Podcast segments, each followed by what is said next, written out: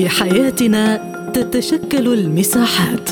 نظل داخلها على اختلاف الثقافات. ولكن في مساحتنا تتحد الغايات. لأننا نغوص في أعماق المجتمعات. فإذا كان لديك وجهة نظر حرة فاهلا بك في مساحة حرة.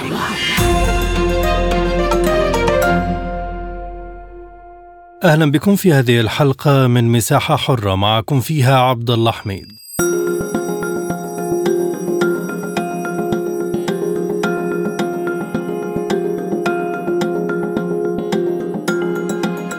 بعد صراع بين الحزبين الجمهوري والديمقراطي على مدار أشهر وافق الكونغرس الأمريكي على تشريع لرفع سقف ديون الحكومة البالغة 31.4 تريليون دولار ليتجنب التخلف عن السداد. التشريع الذي يدعمه الرئيس جو بايدن صوت بالموافقة عليه 63 صوتا مقابل 36 بعد أشهر من المشاحنات الحزبية وتحذيرات من وزارة الخزانة بعدم القدرة على الوفاء بجميع مدفوعاتها في الخامس من يونيو المقبل إذا فشل الكونغرس في الوصول إلى حل. يأتي هذا بعدما رفض أعضاء مجلس الشيوخ عشر تعديلات قبل التصويت النهائي لإرسال مشروع القانون إلى بايدن للتوقيع عليه قبل الموعد النهائي يوم الاثنين وبموجبه سيكون مقررا تعليق الحد المسموح به للاقتراض الاتحادي حتى أول يناير كانون الثاني 2025 من جهته أشاد الرئيس الأمريكي بالخطوة معتبرا أنها انتصار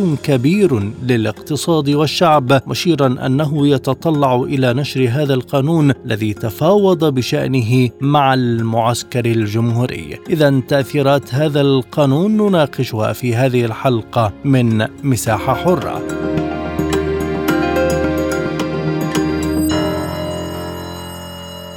ينضم إلينا للحديث عن هذا الموضوع من بيروت الدكتور بير خوري الخبير الاقتصادي. أهلا بك دكتور معنا. بداية ما تقييمكم لقرار الكونغرس تعليق سقف الدين؟ سيد كريم لم يكن من الممكن إجراء غير هذا الإجراء لأن في حال عدم التعليق كان سيحصل نوع من الكارثة في الأسواق المالية سترتد بالضبط على وضع الاقتصاد الامريكي الحساس أصلا. ووضع الدولار كعملة احتياط دولي. كان لابد من الوصول إلى الاتفاق. أعتقد أن ما حاول أن يفعله الجمهوريين في هذا الاتفاق هو كبح آه، القدرة على زيادة الضرائب على الشركات وتنظيم العطاءات الاجتماعية التي آه، يستند إليها في سياساتهم كلها الديمقراطيون. لكن لم يكن من الممكن إلا انتاج اتفاق إنتاج اتفاق تسوية ما بين آه، الطرفين. بالمقابل لنعلم أننا أيضا في مأزق يعني في حال لم يتفقوا هناك كارثة وفي حال اتفقوا كما حصل بالفعل. هناك أيضا تحدي كبير يتمثل بأننا لا زلنا نتعرض للضغوط التضخمية بسبب زيادة الإنفاق. للحكومة الأمريكية وهذا يعني الاستمرار في رفع الفوائد من أجل السيطرة على التضخم، ربما هذه المشكلة الحقيقيه اليوم في الولايات المتحدة، عدم تعليق سقف الدين مشكلة وتعليق سقف الدين مشكلة أخرى وإن كانت أقل من حيث المفاعيل المباشرة على الاقتصاد الأمريكي. هل التشريع يحمي الولايات المتحدة من التخلف عن سداد ديونها بشكل كامل؟ اي طبعا هلا بالصيغه اللي عملوها حتى سنتين إلى الأمام هذا القرار يحميها. ليش؟ لأنه لما تقول أنت تعليق السقف يعني صار متاح إلى ضمن معايير الاتفاق الذي حصل بين الحزبين أن تستمر في إما تجديد ديونها وإما سدادها وإما طلب ديون أخرى. هذا ما يعنيه فعليا رفع سقف الدين. لذلك أقول لك أن هذا بذاته يستبطن رسالة إلى الأسواق آه، في العالم أن الولايات المتحدة لا زالت في مرحلة كبح التضخم وسوف تتعرض لضغوطات تضخمية أخرى تحديدا بسبب آه، رفع هذا السقف، تعليق هذا السقف. ما هي الخطوات العملية التي ستقوم بها المؤسسات الأمريكية بعد قرار تعليق سقف الدين؟ أعتقد أنه يجب النظر الآن إلى المؤسسة الأهم في الولايات المتحدة وهي الاحتياطي الفدرالي ما هي التعديلات التي ستنشأ على استراتيجيات كبح التضخم؟ ربما نشهد بيانات من آه، جيروم باول. يعني توحي بأننا أمام معركة أطول بتنا أمام معركة أطول في آه، مكافحة التضخم. وتعطي إشارة للأسواق آه، بأن سياسة رفع الفائدة سوف تكون أكثر تشددا ربما من سياسة الربع نقطة التي اعتمدت مؤخرا. وأقصر مدى مدى في زيادة أسعار الفائدة، أعتقد أن هذه المؤسسة الرئيسية التي يجب أن نراقب سلوكها وقراراتها من الآن وصاعدا، لأن ذلك له تأثير على كافة استراتيجيات الشركات في الولايات المتحدة، خاصة آه، على أسواق الأسهم، من الواضح أن أسواق الأسهم قد ابتليت بضربات كبيرة جراء جراء ارتفاع سعر الفائدة في الولايات المتحدة واليوم هناك خطر حقيقي من أن يتم بعض التصحيح في السوق عبر إخراج بعض الشركات من السوق غير قادره على احتمال مستوى ربحيتها غير قادر على احتمال هذا المستوى من ارتفاع أسعار الفائدة. كيف سيكون وضع السوق المالي والتجاري الأمريكي وما هي الجوانب التي تشكل امانا وأيضا التي تشكل تهديدا في السوق؟ والله حقيقة لو تبعت آه، مؤخرا بلومبرج والمؤسسات التحليلية الرئيسية في الولايات المتحدة لا يبدو أن هناك أجواء تفاؤل بالنسبة لمستقبل السوق، معظم المحللين الرئيسيين متشائمين بالنسبة للمستقبل، واضح أن الإيجابية الوحيدة هي آه، عدم تعرض الدولار لنكسة ثقة إضافية آه، بعد الحرب على تعدد وسائل الدفع. الجارية بشكل حثيث آه، في العالم خاصة من مجموعة بريكس. آه، الجانب الإيجابي الوحيد هو أنها رسالة أن الحكومة الأمريكية سوف تحتفظ بالدولار كعملة قوية وستبدي قوة الدولار في العالم حتى على اقتصادها المحلي، هذا هو ما نستطيع أن نفهمه من من هذه الخطوة. آه، كل ما تبقى ينظر إليه المحللون الرئيسيون آه، بطريقة سلبية أو أقله بتداعيات على المدى القصير والمتوسط آه، سلبية جدا. في حال نجحت الولايات المتحدة في أن تشذب ميزانياتها القادمة في السنوات القادمة بما يؤول إلى سلوك مالي أقل تهورا قد نجد أن ذلك ربما ستتوافق عندها السياسة المالية مع السياسة النقدية في آه، الولايات المتحدة من أجل إيجاد مخرج على المدى الطويل لمشكلة آه، آه، الإنفاق والتضخم. انهيار مصارف أمريكية في الأشهر الماضية هل يصنع تحديا أيضا أمام المسؤولين في الولايات المتحدة خلال المرحلة المقبلة؟ طبعا طبعا. وهلا اليوم مع مع احتمال تشدد السياسة النقدية أكثر. سوف يكون بنوك أخرى عرضة لهذه المشكلة. اليوم شو عم يعمل التشدد بالسياسة النقدية من خلال رفع أسعار الفوائد وتصعيب شروط الإقراض، اليوم عندك مجموعة كبيرة من البشر من المودعين عم تتجه لانها تكبر إيداعاتها في البنوك الأمريكية. بالوقت اللي البنوك الأمريكية عاجزة عن إقراض السوق لأنه شروط الإقراض صارت أصعب بكثير بال بالولايات المتحدة. سوف ترتمي أكثر فأكثر هذه البنوك في أحضان الحكومة. وإذا بنتذكر SVB Bank مشكلته الأساسية إنه ارتمى في أحضان الحكومة في في توظيفاته. انت اليوم معرض لهالمشكلة بشكل أو بآخر معرضت لكل البنوك، البنوك الأقوى اللي عندها اللي عندها حضور استثماري عالمي ربما يعني بيكون عندها تنوع بتوزيع توظيفاتها وبتكون نسبيا محمية أكثر بس هذا مش وضع كل البنوك بأمريكا هذا اللي لازم نتذكره. يعني فئة ال 16 بنك الكبير بعدها لهلأ محمية هول بيحوزوا حوالي 15 تريليار 14 15 تريليار دولار تريليون دولار من من الودائع. لكن هذا ليس كل آه، القطاع المصرفي الأمريكي دكتور بير ما هي الفائدة التي نخرج منها من ملف الديون الأمريكية والذي ربما تستفيد منه باقي دول العالم؟ والله أنا لا أجد فائدة في ذلك إذا كنا نتحدث عن الاستدامة الاستدامة اليوم لها عنوان واحد في كل العالم هو حكومات أكثر انضباطا وأقل توظيفا للسياسات المالية في خدمة السياسة. مشكلة في الولايات المتحدة أن المالية العامة تستخدم في الحروب أنت تعرف أن السبب الأساسي لهذا العجز الكبير في الميزانية الأمريكية والذي يراكم هذا العجز السنوي الذي يتراكم على شكل دين عام في الولايات المتحدة هو حجم الإنفاق العسكري هو درجة ارتباط آه، نمو الاقتصاد الأمريكي بنمو المجمع العسكري الصناعي هو حجم انتشار قواعد الولايات المتحدة عبر العالم. لذلك اليوم الولايات المتحدة لم تعد تستطيع أن تلعب دور الشرطي في الوقت الذي تحافظ على مناعة اقتصادها خاصة أن دول العالم قد نهضت لم يعد من السهل السطو على واردات الأمم بالطريقة التي اعتادت الدول الاستعمارية أن تفعلها. اليوم التحول الكبير الذي حصل في الشرق الأوسط وخاصة في الدول المنتجة للنفط هو رسالة كبيرة لدول الغرب أنه لم يعد من الممكن التعامل معنا كما تعاملتم معنا لقرون سابقة. الآن يجب أن تبدأوا في حساب حساب الندية. حساب الندية يعني أن المواطن الأمريكي هذه المرة هو من سيدفع ثمن القواعد الأمريكية في المنتشرة في العالم وليس مواطنو الدول الأخرى كما اعتادت الولايات المتحدة وقبلها أوروبا على تدفيع دول العالم ثمن نموها الخاص شكرا جزيلا لك دكتور بير خوري الخبير الاقتصادي كنت معنا من بيروت من لندن ينضم إلينا حول هذا الموضوع الدكتور أحمد عبود أستاذ الاقتصاد والتجارة في جامعة بورثموث. دكتور أهلا بك، ما الذي يميز التشريع الذي أقره الكونغرس الأمريكي عن سابقيه المرفوضين سابقا من مجلس الشيوخ؟ هي كانت الفرصة الأخيرة للحكومة الأمريكية لإنقاذ آه، أمريكا من التعثر في سداد ديونها في الفترة الأخيرة، إحنا بنتكلم على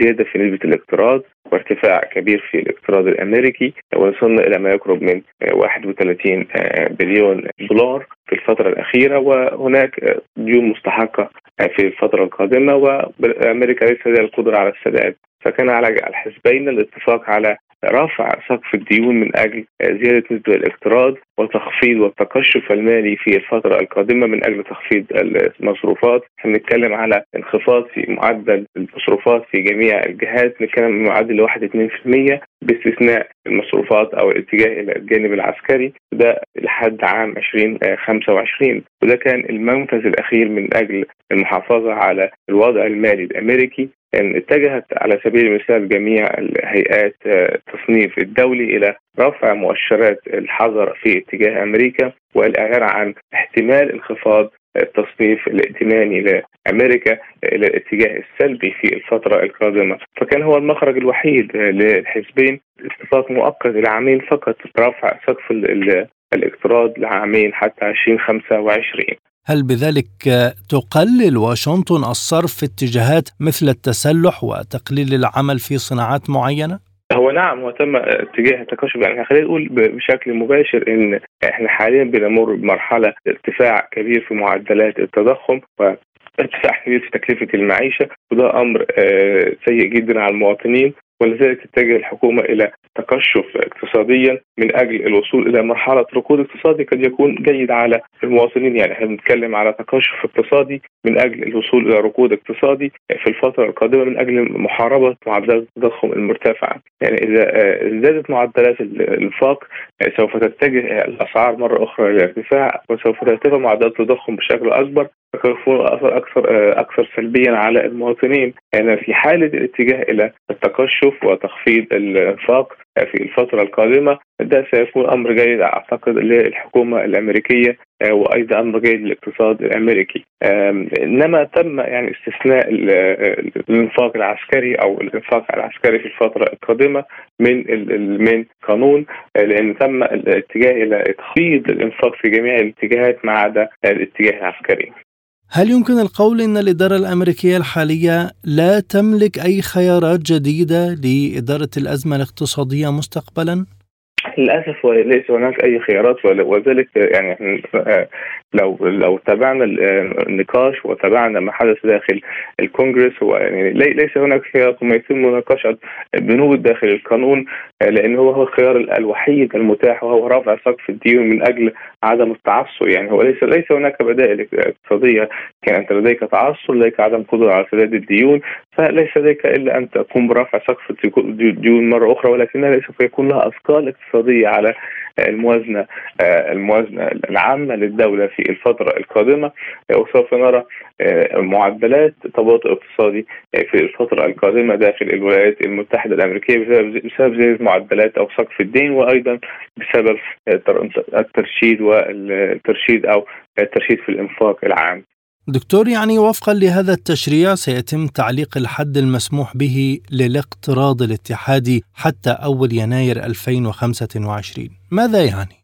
هو يعني أن يعني يسمح للدولة بزياده معدلات الاقتراض في الفترة القادمة من أجل القدرة على سداد استحقاقات في الشهور القادمة. هو زيادة معدلات الاقتراض وبذلك تستطيع الموازنة العامة إلى الوصول إلى معدلات يعني وزن أو توازن للموازنة العامة للدولة وعن طريق الاقتراض وسداد بعض البنود التي هناك يوجد بها عجز باستخدام أموال مقترضة في الفترة القادمة.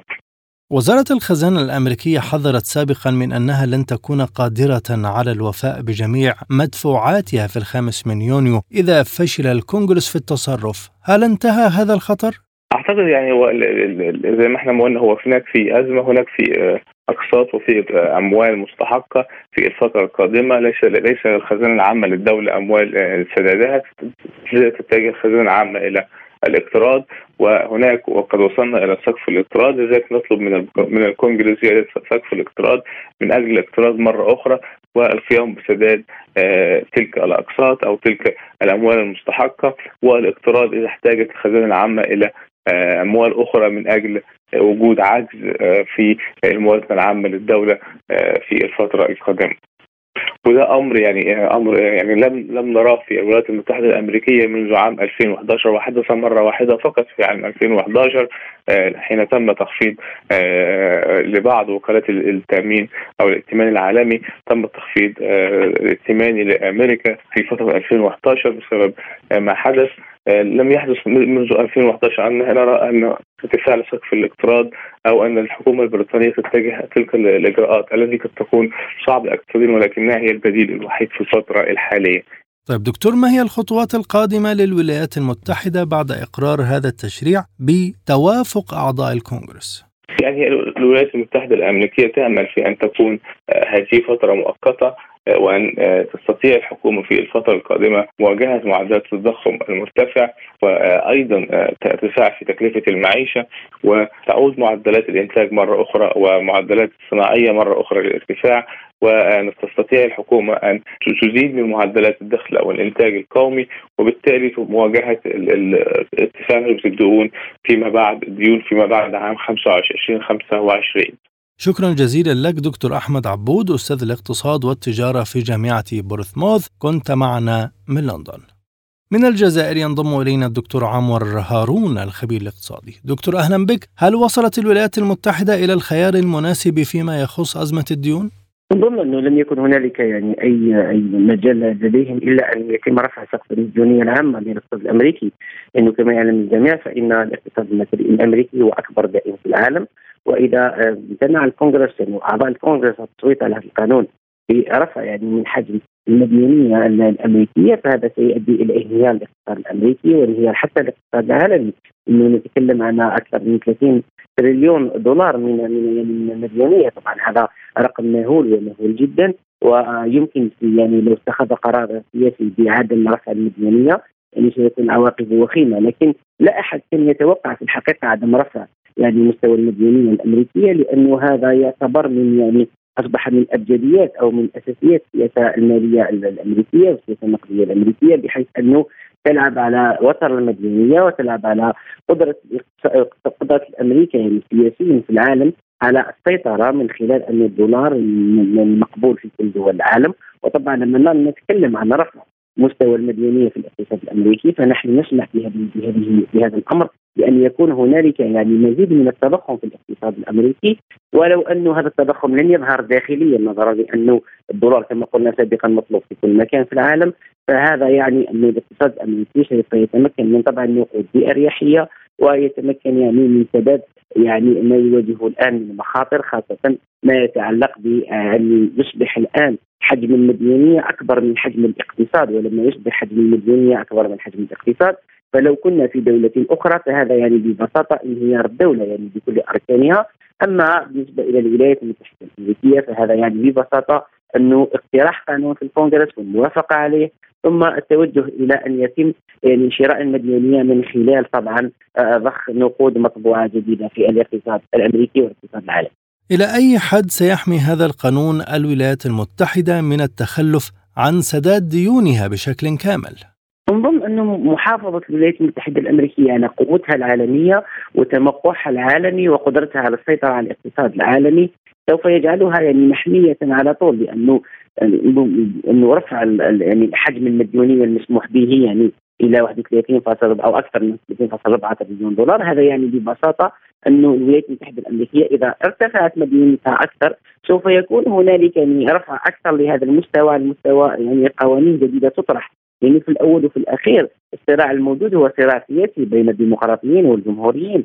وكل يعني كل ما كان يعني من كلام ومن حديث ومن مشاورات في المرحلة السابقة لم يكن حول آه، حقيقة يعني القدرة على رفع مستوى المديونية أو على الموافقة على الأمر بل كان ما هي التنازلات التي يمكن أن يقدمها يعني الديمقراطيون والجمهوريون حتى يوافقوا على هذه العملية. اذا المشاورات كانت درجة أكبر سياسية وكانت يعني البحث عن تنازلات سياسية من من, من الطرفين حتى يستطيعوا أن يتوصلوا إلى وفاق. أما بالنسبة إلى قضية رفع سقف المديونيه فأنا في اعتقادي كان محتوم يعني ولن ولم ولن يكون للاقتصاد الأمريكي أي خيار آخر لأنه كما يعلم الجميع فنحن الآن خرجنا من يعني تبعات الكوفيد وبعد خرجنا أيضا من من أو ما زال يعني نعيش تبعات انهيار بنك يعني سيليكون فالي وهذا اللي كان خلى يعني الاقتصاد الأمريكي يتوجه نحو يعني تفعيل مجموعة من الإجراءات يعني قد تصل إلى 2 تريليون دولار ومن أجل المحافظة طبعا على يعني مصداقية السوق المالية الأمريكية وتجنب انهيار الكبرى فكل هذه المواقف اللي حصلت خلات يعني المديونية الأمريكية ترتفع وخلات الاقتصاد الأمريكي بحاجة أكثر إلى يعني إلى إلى إلى إلى نقود أكبر. وهنا نظن أنه هذه العاملين الأساسيين يضاف لهم طبعا الإنفاق العسكري الكبير الذي تقوم به الجيش الأمريكي خلى هذه الثلاث معطيات خلت الاقتصاد الأمريكي محتاج إلى أموال أكثر وطبعا إن كلم على أموال أكثر في ظل يعني انكماش اقتصادي عالمي فنحن سنتوجه إلى الحل الأبسط وهو الرفع من المديونية ولا المديونية المسموحة داخليا أي ببساطة الرفع من حجم النقود المطبوعة في الاقتصاد في هذا في هذا الإطار بايدن وصف الاتفاقية بأنها نصر لاقتصاد البلاد وأنه لا أحد يحصل على كل ما يريده، فماذا كان يريد الرئيس الأمريكي؟ نظن باللي التنازلات اللي قد اللي يتكلم عليها بايدن اللي قد هو قدمها داخليا يعني قدمها للجمهوريين وليست متعلقة بالمديونية في حد ذاتها لأنه الاقتصاد الأمريكي والمنظومة الأمريكية والقانون الأمريكية مبنية على قوة الجيش الأمريكي وقوة الاقتصاد الأمريكي فلو كان هناك يعني أي أي خلل في هذا الإطار يعني وتراجع عدم رفع يعني المديونية الداخلية والمديونية المسموحة الأمريكي كنا سيكون هناك زلزال في الاقتصاد الأمريكي ممكن نصل إلى حدود يعني 10 مليون يعني من من الأمريكيين يفقدون المناصب عملهم. ونظن انه هذا الأمر لن يخدم أحدا داخل الاقتصاد الأمريكي. فالتنازلات ربما اللي يتكلم عليها الرئيس بايدن هي تنازلات داخلية. متعلقة بين بالعلاقة بين الحزب الجمهوري والحزب الديمقراطي. وفي هذا السياق نظن أنه آه ربما لن يكون هنالك عهدة ثانية لبايدن لأن الرجل الآن يرى الجميع يعني حالته الصحية كيف هي ومدى يعني تقدم الأمر به ويعني هذا الأمر أصبح واضح من خلال الخرجات العالمية. لهذا نظن أنه سيكون هنالك يعني انتقال ربما في السلطة في المرحلة القادمة وفي الانتخابات القادمة إلى الطرف الآخر.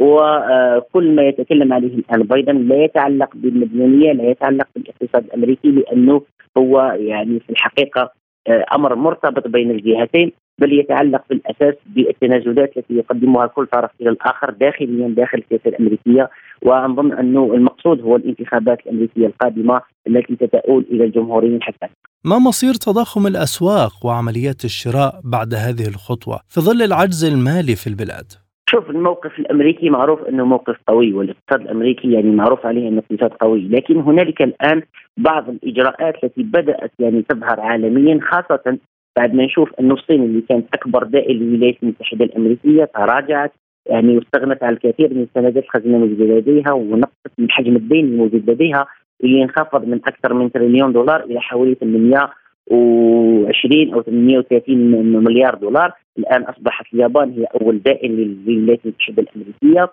فالموثوقية في الاقتصاد الأمريكي شيئا فشيئا ستتراجع، لماذا؟ لأنه الآن هنالك عمل بين مختلف التكتلات الاقتصادية العالمية خاصة تكتل البريكس الذي أصبح الآن يتعامل وفق نظرة استشرافيه قوامها هو التعاون بالعملات المحلية ما بين الدول يعني الشريكة في هذا التكتل خاصة أن البريكس الآن تبحث عن البريكس plus يعني سنتوجه إلى انفتاح حول دول واقتصاديات أخرى ستدخل إلى هذا التكتل.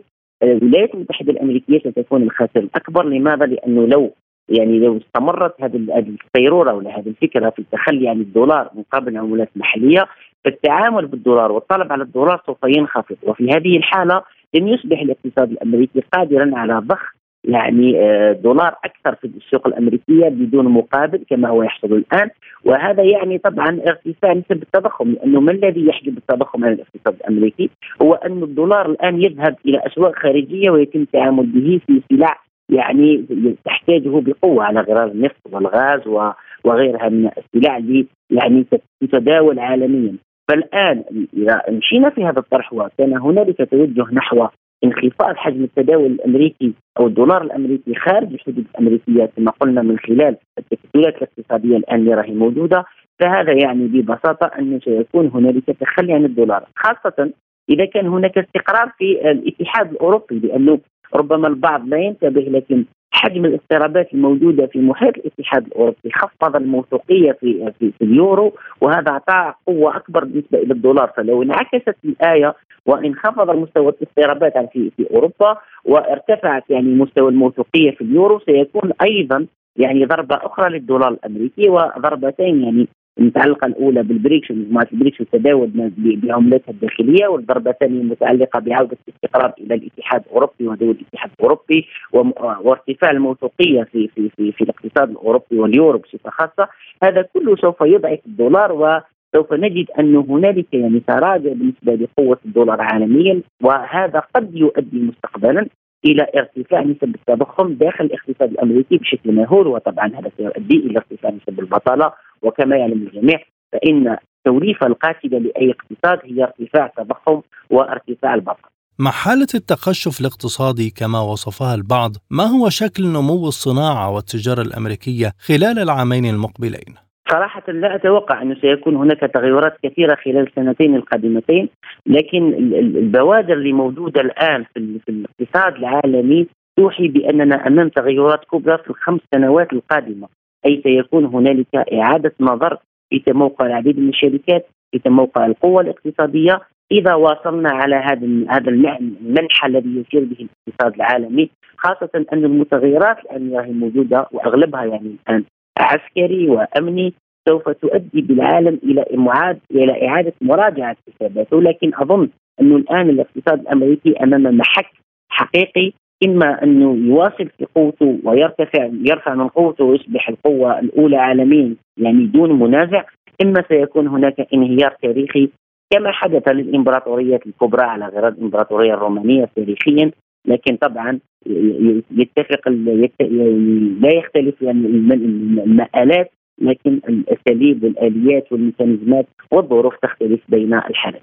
الدكتور عمر هارون الخبير الاقتصادي كنت معنا من الجزائر شكرا جزيلا لك. شكرا لكم مستمعينا الكرام على حسن المتابعة طابت أوقاتكم وإلى اللقاء.